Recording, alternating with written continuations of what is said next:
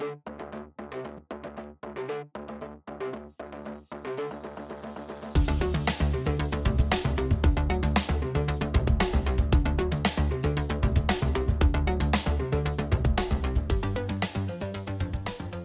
og velkommen til sesongens niende episode av Spøkelser etter avdøde størrelser. Og i dag er det jeg, Niklas Larsson, som igjen har besøk av en som var her for omtrent et år siden, og det var M. Karlsen. Og hva var det nå, M? Ja, det kan jo spekuleres i hva den M-en står for. Jeg har jo en eh, Ja, det er ikke en slektning, men eh, navnebror på en måte Magnus Karlsen. Men mitt navn er Martin Karlsen. Ja, og hvem er du? Ta, gjenta det. Ja, eh, jeg er jo eh, en enkel gutt fra, fra Sørlandet, eh, men jobber her på Universitetet i Agder som professor i matematikkdidaktikk, og er leder av vårt forskningssenter i matematikkdidaktikk, kalt Merga.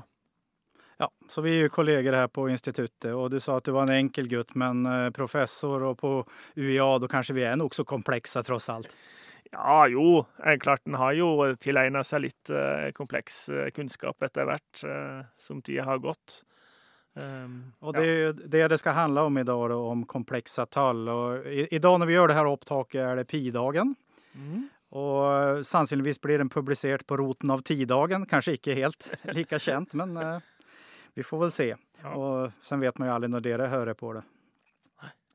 Men eh, komplekse tall, da. Vi tar vel utgangspunkt i imaginære tall. Og hvorfor man begynte med dette. Det er en, noe som ikke er helt uvanlig, er vel at man hører at det er for at man ikke kunne løse likningen x i andre lik minus 1. Mm. Ja, eh, det er nok eh, ofte sånn som det kanskje introduseres eh, i dag. Men sånn historisk sett, ut ifra matematikkens historie, så, så, var det ikke den ligninga som var utgangspunktet for å fundere rundt ja, komplekse tall og kvadratroten av minus 1. Nei, for det er vel litt i det her at uh, har man ikke allerede tallet minus eh, tallet i, så da gir det ikke mening å prøve å løse den der likningen. Nei. Så det må være noe annet. Og du vet jo litt av det her, eller visste i hvert fall tidligere. ja. ja. det er jo sånn eh, Jeg er jo såpass gammel at uh, den gangen jeg tok hovedfag i matematikkdidaktikk, så så skulle vi skrive en, en oppgave om, innenfor matematikkens historie. Og da interesserte jeg meg for å skrive om den historiske utviklinga av forståelsen rundt de komplekse tall, eh, og hvordan det har vært jobba med av ulike matematikere opp gjennom eh, historia. da. Og har du noe forslag på hvor det starta? Ja, du kan si det, det, det fins nok forskjellige sånn historiske kilder til at dette med Det er kvadratrøtter der du har negativ uh, diskriminant eh, eh, opptrer. Eh, men det er nok først og fremst ved den italienske matematikeren Cardano at, at dette på en måte skyter litt fart, eller iallfall ble behandlet litt mer systematisk. Og, og da er vi på 1500-tallet her? Ja. Han skrev en bok som heter Ars Magna i 1545 Um, og det var faktisk i forbindelse med løsning av en annengradsligning som, som dette ble uh, Ja, dette ble behandla eh, mer systematisk, da. Og vi så jo noe på et problem som vel er nokså matematisk, da, at man skal dele tallet 10 i to tall som har produkt 40. Mm. Og vi vet jo da fra om vi skal ha reelle tall, at uh, produktet blir størst om vi tar og deler uh, akkurat midt i to. I to og, og uh, altså fem ganger fem er jo bare 25. Ja, sant. Så en må En får jo på en måte en utfordring, da, med å finne ut av Går det an å finne det produktet som er 40? Og som du nevner, Niklas, så er det jo innenfor de reelle tall, så er ikke det mulig. Eh, selv om eh, utgangspunktet er jo problemet ganske enkelt formulert. Ja. Um, så, og det var dette problemet som uh, Cardano òg uh, jobba med å finne uh, en løsning til. Um, og da um, dukker det opp da, da, må en introdusere noen nye tall. uh, der, der en har en negativ diskriminant kommer inn i bildet. da. Så her har man ju då om man tar 5 pluss roten av minus 15 ganger 5 minus roten av minus 15 då. Mm. Så, och tillåter det, så då får man via konjugatsättningen att det blir 5 i andre pluss 15 som er 40. Mm. Jeg, jeg syns det er litt motsetning her til det vi sa først, at uh, om man ikke allerede har uh, komplekse eller imaginære tall, så blir, gir det ikke mening. Men her, her, var det jo på noen måte at man formulerte tross alt et konkret problem, eller mm. konkret matematisk problem, og da ja. fant at uh, det kunne man finne noe løsning på. Mm. Og det, selv vi, vi, når vi snakker nå, så bruker jeg mye betegnelse som imaginære tall eller komplekse tall og sånn. Eh, disse begrepene eller uttrykkene her brukte ikke Cardano sjøl. Det var først eh, mye seinere at disse uttrykkene kom inn i, si, i matematikken. Um, så de brukte jo andre, andre, ord på å uttrykke det som vi i dag vil kalle um, ja, komplekse tall. da. Men her fikk man jo også et bruk for, uh, om vi sier da komplekse tall, uansett hva Cardano kalte det, uh, mm. fordi at man så at det var et verktøy når man skulle løse tredjegradslikninger. Mm. Og det var jo selv om man var interessert kun i de reelle røttene, så så man at komplekse tall kunne være et hjelpemiddel der. Ja, absolutt. Og, og, da er vi jo inne litt på eh, det som eh, kalles for eh, algebraens fundamentalteorem. ikke sant? Det at en ligning av grad n har n røtter. Um, så lenge vi ser med multiplisitet, i hvert fall. Ja. ja. Og, og um, i en tredjegradsligning da, så, så, kan den ha en reell rot og to um, komplekse røtter. Og de komplekse røttene de opptrer alltid i, i par, da. Uh, men det var det første eh, Det var det første Bombelli som, som kom Hva skal jeg si Kom opp med en Ja, det, det var vel litt senere då, mm. men det var jo 1500-tall det også. Mm.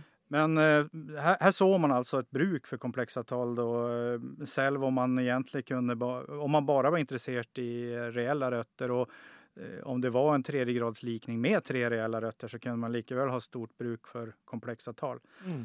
Det fins noe som heter Cardanos formler. Ja, og det, det, er jo en sånn eh, Ja, på tilsvarende måte som at vi har den såkalte andregradsformelen, der vi kan finne røttene til en, et annengrads eh, eller en annengrads polynom, så, eh, så finnes det òg formler for å, å, finne røttene til tredjegrads eh, polynom, da, eller tredjegradsligning. Ja der komplekse tall inngår i. Ja. Ja. Eh, og de er jo veldig slitsomme, de der formlene. Ja, de er jo det, og det er vel Ja, jeg har ikke kommet over at det er noe som introduseres eh, på en måte i I hvert fall ikke matematikk på videregående. Mulig kanskje på universitetsnivå, men Mer historisk, ja. tenker jeg. For nå har vi jo andre metoder å finne. Ja, akkurat det vi har. Og vi har jo digitale verktøy, ja. ikke minst, til å løse sånt. Eller eventuelt Newtons metode, om man bare er interessert i å finne en likning og ikke har verktøy. Mm. Eh, ja, det var jo der Cardano. Han slet jo sammen med Eller kanskje ikke sammen med, eller i konkurranse med navn som man har hørt, Fiore og Ferro og Tartaglia. Og ja. de, eh, om hvem som kunne finne løsningen til alle tredjegradslikninger. Og, ja. Og det har jo, det har jo vært en, på en måte en slags opp igjennom historien en slags konkurranse da, mellom matematikere um, å finne generelle løsninger for uh, disse ulike ligningene. Og vi som er fra Norge, vi er jo nokså stolte av Nils Henrik Abel og hans bidrag til denne måte, teorien da, om at den generelle femtegradsligninga ikke Eh, kan finnes ved en sånn ja, Jeg kan jo også være stolt av Jeg sitter tross alt i Nils Henrik Abels bygg. Ja, ikke sant? Og sen kan jo vi som svensker si at han svalt jo tross alt i hjel fordi det ikke var noen i Norge som skjønte hva han sa. ja, kanskje det. Han døde jo var 29 år. For... Ja, eller 27 år var han vel. 27, kanskje, ja, 1829. 1829, ja. Mm. Og, uh, fattig. Ja, absolutt. Men På... en av de aller beste. Ja, uh, han har jo fått en veldig Eh, ja, fått en status eh, i eh, matematikkens verden etter sin, etter sin død, selvfølgelig. Ja. Og han uh, fant da noen generell løsning til fjerdegradslikningen? Ja, eller han viste at det ikke, at det ikke kan finnes en generell løsning til femtegradsligningen. Eh, men eh, mens fjerdegradsligningen, den, den kan ved at du Ja. gjør en, en substitusjon, eller du gjør om på ligninga, så kan du redusere Ja, det var ikke han som viste eh, eh, hvordan man reduserte fjerdegradslikninger. Nei, det ble gjort uh, før. Og det ble, hvem som gjorde det, det er jeg litt usikker på. Men, men det ble gjort på rundt Ja. denne samme tida som, eh, som eh, Cardano og Tartaglia disse her holdt på med Ja. disse problemene.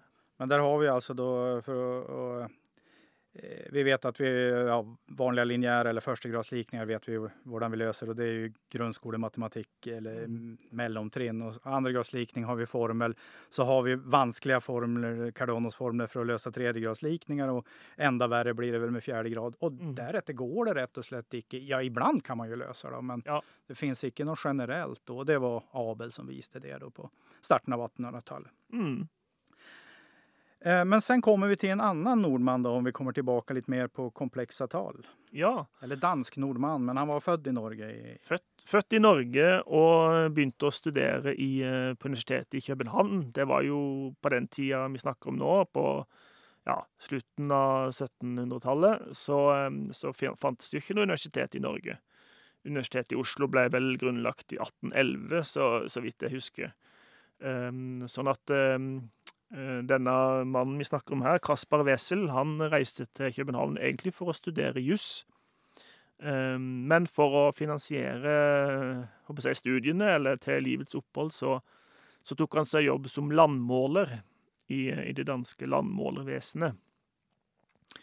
Eh, og, og det var i denne jobben her at eh, han eh, eh, kom borti problemet knytta til det å eh, Hva skal jeg si Måle eh, lengden og retning på linjestykker. Fordi at han eh, fikk i oppdrag å mm, regne ut eh, lengden til den danske kystlinja. Og det er klart at Da opptrer det mange trekantberegninger for, eksempel, for, for å finne ut lengde på ulike linjestykker og sånn, og det kjenner en jo fra antikkens geometri, hvordan man gjør.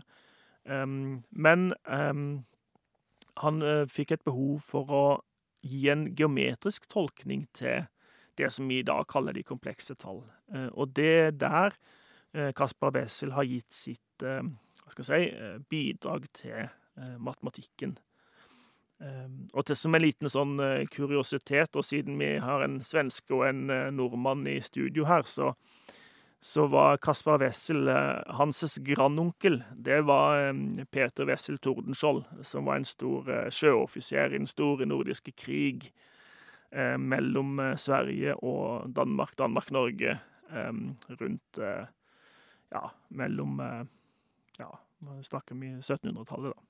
ja, Kaspar Wessel ble født i 1745, og hva har du, grandonkel? Så, Ja, så han var litt eh, tidligere. Ja. Mm.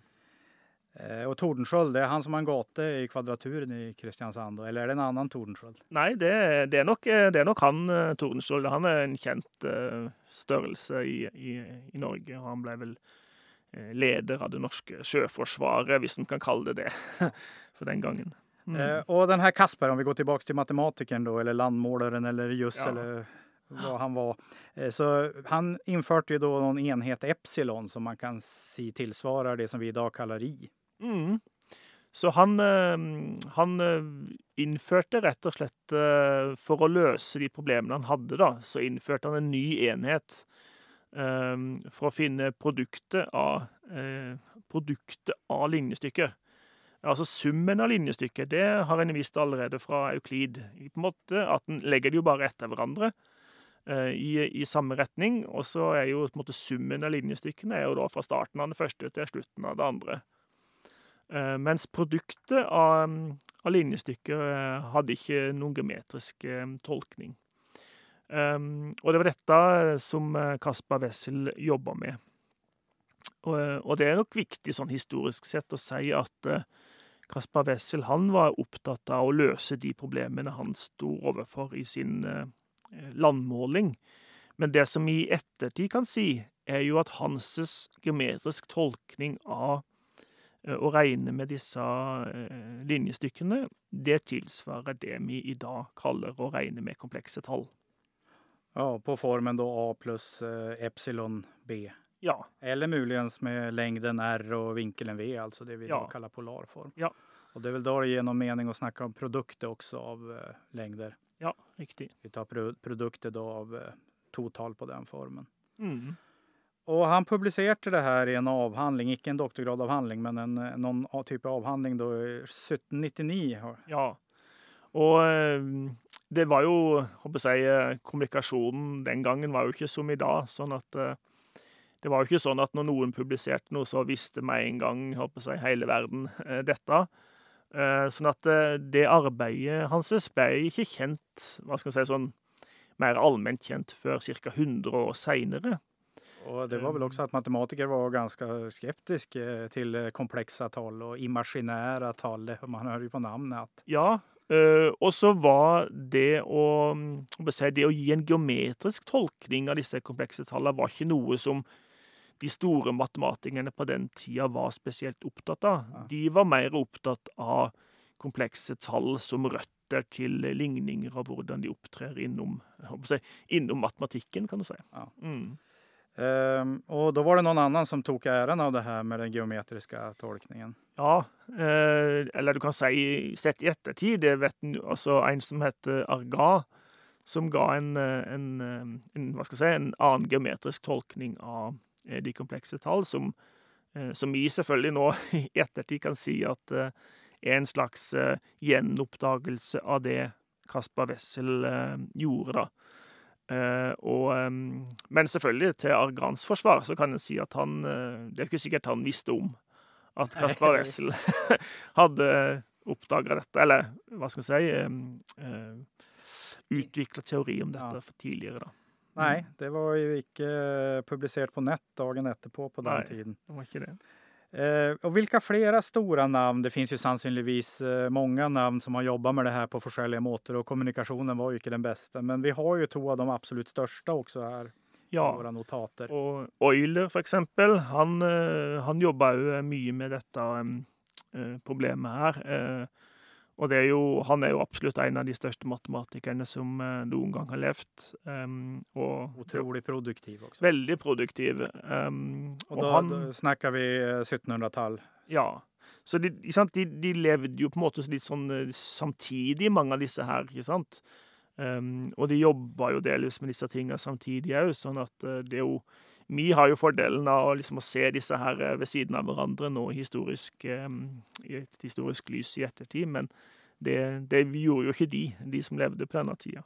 Men Euler har vi noen notater om at han var først med å, å bruke i som I, ja, eh, bokstaven I som på en måte slags forkortelse for imaginær, eller en latin variant av det. Um, eh, s- så det er jo den, eh, det er jo den bokstaven som, som vi bruker i dag. Men Euler eh, han introduserte I, men det var først Gauss som litt seinere den store, og kanskje aller største matematikeren som noen gang har levd. som på en måte brukte i konsekvent i sin arbeid når han jobba med problemet. Det er komplekse tall.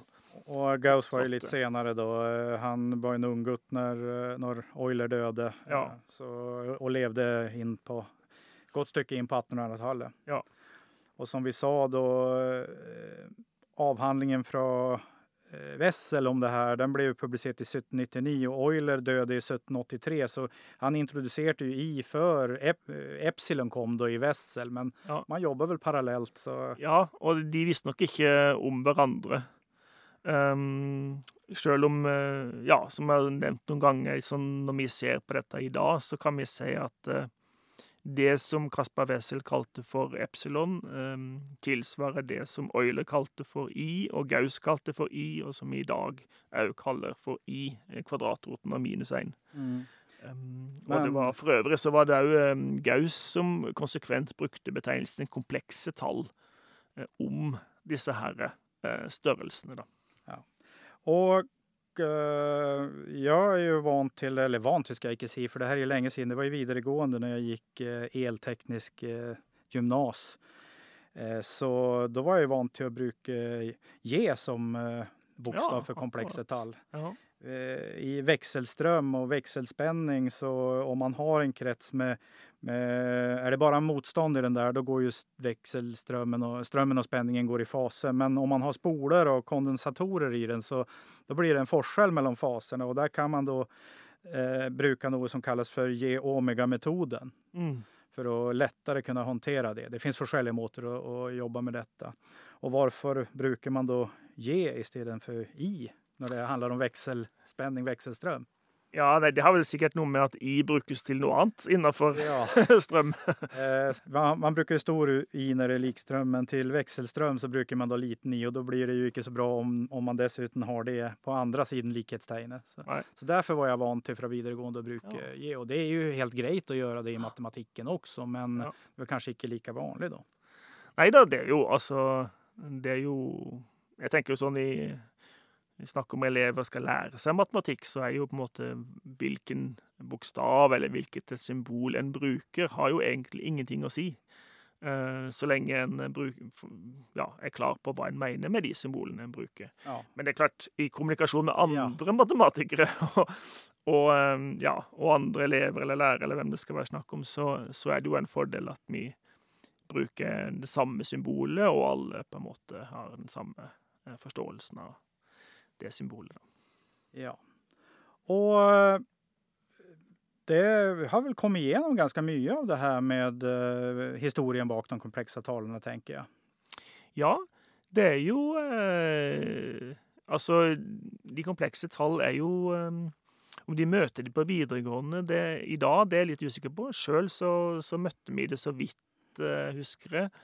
Eh, i, eh, ja, mot slutten av i tredje klasse på videregående skole som sånn eh, Noe sånn litt sånn kuriositet, nærmest, at det finnes òg noe som heter komplekse tall. For at fram til da så hadde en jo vært vant til at hvis en brukte Den gangen var det jo kalkulatorer, da, men hvis en prøvde å ta kvadratroten av negative tall, så kom det jo bare error. Ja. Ikke sant? I, i displayet. Um, og en ble på en måte fortalt at uh, nei, det går ikke an, eller det, det eksisterer ikke, eller, um, eller den type utsagn, da. Men nå er det vel avhengig litt av hvilke hjelpemidler man har, og hvilken innstilling man har på, på, på de hjelpemidler, hva som skjer da. Ja, og uh, det er jo um, det er jo en, hva skal jeg si, en utvidelse av, av tallområdet som skal til da, for at en skal kunne Eh, skape mening rundt kvadratrota kvadratrot av negative eh, tall.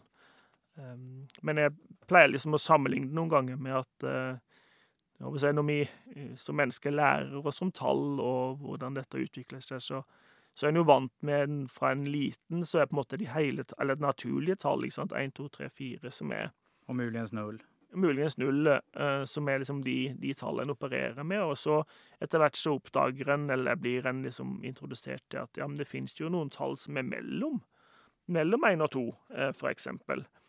Eh, når vi kommer inn på det vi kaller for rasjonale tall, og brøker, for eksempel. Og seinere så, så blir oppdager en òg, eller en blir gjort oppmerksom på at ja, men det fins jo òg noen tall som ikke kan skrives som en brøk f.eks. kvadratrøttene. Og det klassiske eksempelet er jo at du har et kvadrat med, med sidelengde 1, um, ja. og hvor lang er da uh, diagonalen? Ja, roten av to. Ja.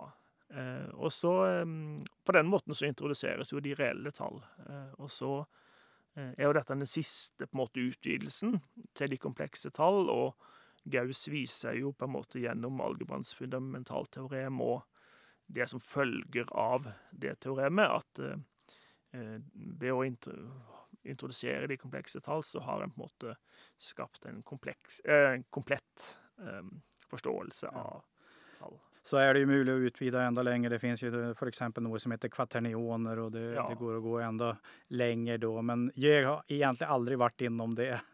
Nei, ikke heller. Vi har jo studert bare... ganske mye matematikk, selv om vi egentlig ikke er matematikere. Men... Nei da. Så jo, vi har òg vært borti kvaternioner i forbindelse innenfor abstrakt algebra, og som en, på en måte et eksempel på en algebraisk struktur, da. Ja. Men eh, det skal vi ikke snakke noe om da. Men Nei. jeg tenker at eh, vi har gitt eh, de som hører på dette, en god orientering. Ja, Eller vi håper at det er en god orientering. Vi har gitt dem en orientering som vi håper er god. ja. Det får vi håpe. Og altså, vi Vi er jo ikke så mange nordmenn i verden, så vi er jo litt stolte av de matematikerne da, som har gitt noen vesentlige bidrag til, til, eh, til matematikken. Eh, og vi nevnte jo Abel, og så er jo Wessel en annen. Selvfølgelig ikke på samme nivå, Nei. sånn sett, men, men likevel eh, en som har gitt et solid bidrag gjennom sin ja, geometriske forståelse av de komplekse tall, der den imaginære enheten som han da kalte for epsilon, står vinkelrett på, på den på, ja, på den banen på én, altså på en, ja, Ja. på den reelle aksen. Ja. Um, så det um, Og det er den, det er den, hva skal jeg si eh, Det er den geometriske tolkninga som òg brukes i dag. Ja. Mm. Men eh, vi tar og avslutter her. Ja. Og eh, takker deg for enda et bidrag til spøkelser etter avdøde størrelser. Jo, bare hyggelig. Neste episode eventuelt kommer til å handle om om du kommer inn i en tredje episode noen gang. Ja, får vi se. Det er alltid gøy å snakke om ting som en er litt opptatt av. Så, Men takk for i dag, Martin. takk, takk.